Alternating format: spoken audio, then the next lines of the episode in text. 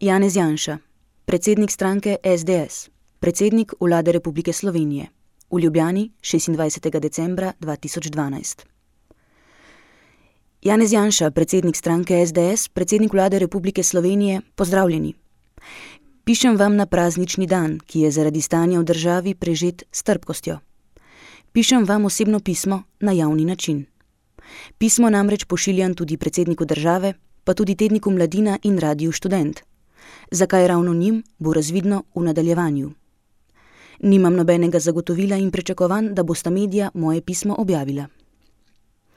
V času procesa JBTZ sem bila mlada mati dveh malih sinov. Zaradi tega je na Roško in na kongresni trg na zborovanja hodil moj mož, tedaj mladi oče.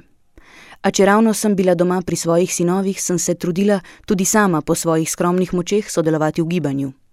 Na pobudo odbora, mladine in radio študent sem kot mnogi drugi zasipala zapor na Metelkovi z razglednicami in dopisnicami. Kot mnogi drugi sem pisala vam. Vedeli smo, da verjetno pošte ne boste dobili, a nismo prenehali.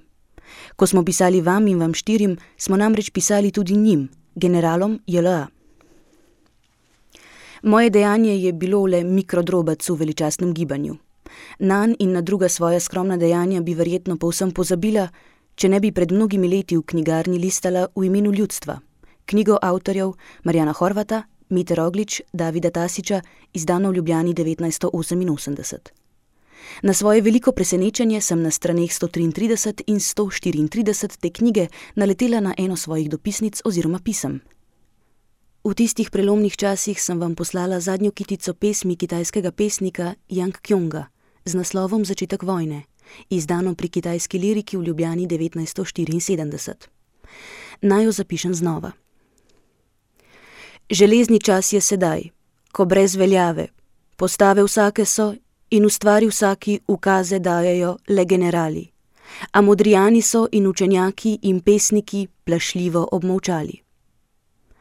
Ob pesmi sem pripisala: Dragi Janez, vedi le to, da pri nas modrijani, učenjaki in pesniki niso obmovčali, pa tudi ljudstvo ne.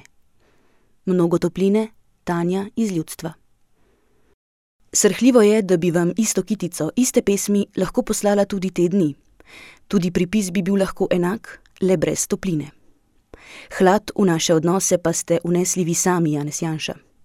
A pustimo to srhljivost, ki ni predmet mojega pisma. Dne 21. decembra sem bila na protestnem shodu pred parlamentom v Ljubljani. Tam je bila v množici vseh tudi naša družina.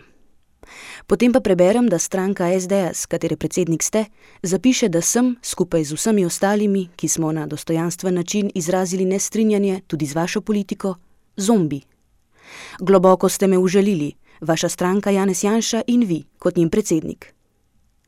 Naj odločno zapišem, da sama nisem noben zombi, sem običajna Tanja iz ljudstva, preprost človek, ki v svojem življenju skuša udejanjati vrednote kot so poštenost, delavnost, sočutje, spoštovanje, soustvarjanje, strpnost, svoboda, ljubezen, prijateljstvo. Nisem noben nostalgičen ljubitelj propadle Jugoslavije, sicer vam, ne nazadnje, ne bi pisala v zapor. Nisem nobena zagovornica totalitarizmov, ne le študij, pač pa tudi moj oče, ki je bil partizan zaprt na Urhu v taboriščih Mauthausen in Dachau, potem pa tudi pet let na Golem otoku, so me dobro naučili to, kaj so totalitarizmi. Kot aktivna državljanka sem na protestih zato, ker ste politiki, tudi vi, ukradli prihodnost našim otrokom in tako tudi vsem nam. Sem zombi?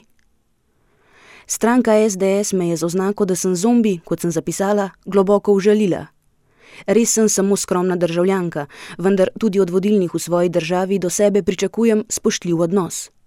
Zato od vas, predsednika stranke SDS ali pa od avtorja omenjenega zapisa vaše stranke, pričakujem opravičilo. Da ne bo pomote, opravičilo upravičeno pričakujejo tudi vsi ostali državljani in državljanke, ki ste jih svojim zapisom v stranki užalili, vendar nimam nikakršnega mandata pisati v imenu vseh njih. Pismo pošiljam tudi novemu predsedniku države. Naj ve, zakaj smo mu v soboto 22. decembra na sončni strani ograje, s katero so politiki obdali parlament, hram demokracije, ljudje dostojanstveno obrnili hrbet. Spozdravi, Tanja Bečan, Sadinja vas 31, 1261, Ljubljana Dobrunje. Poslano Borut Pahor, predsednik države, Mladina, Radio Študent.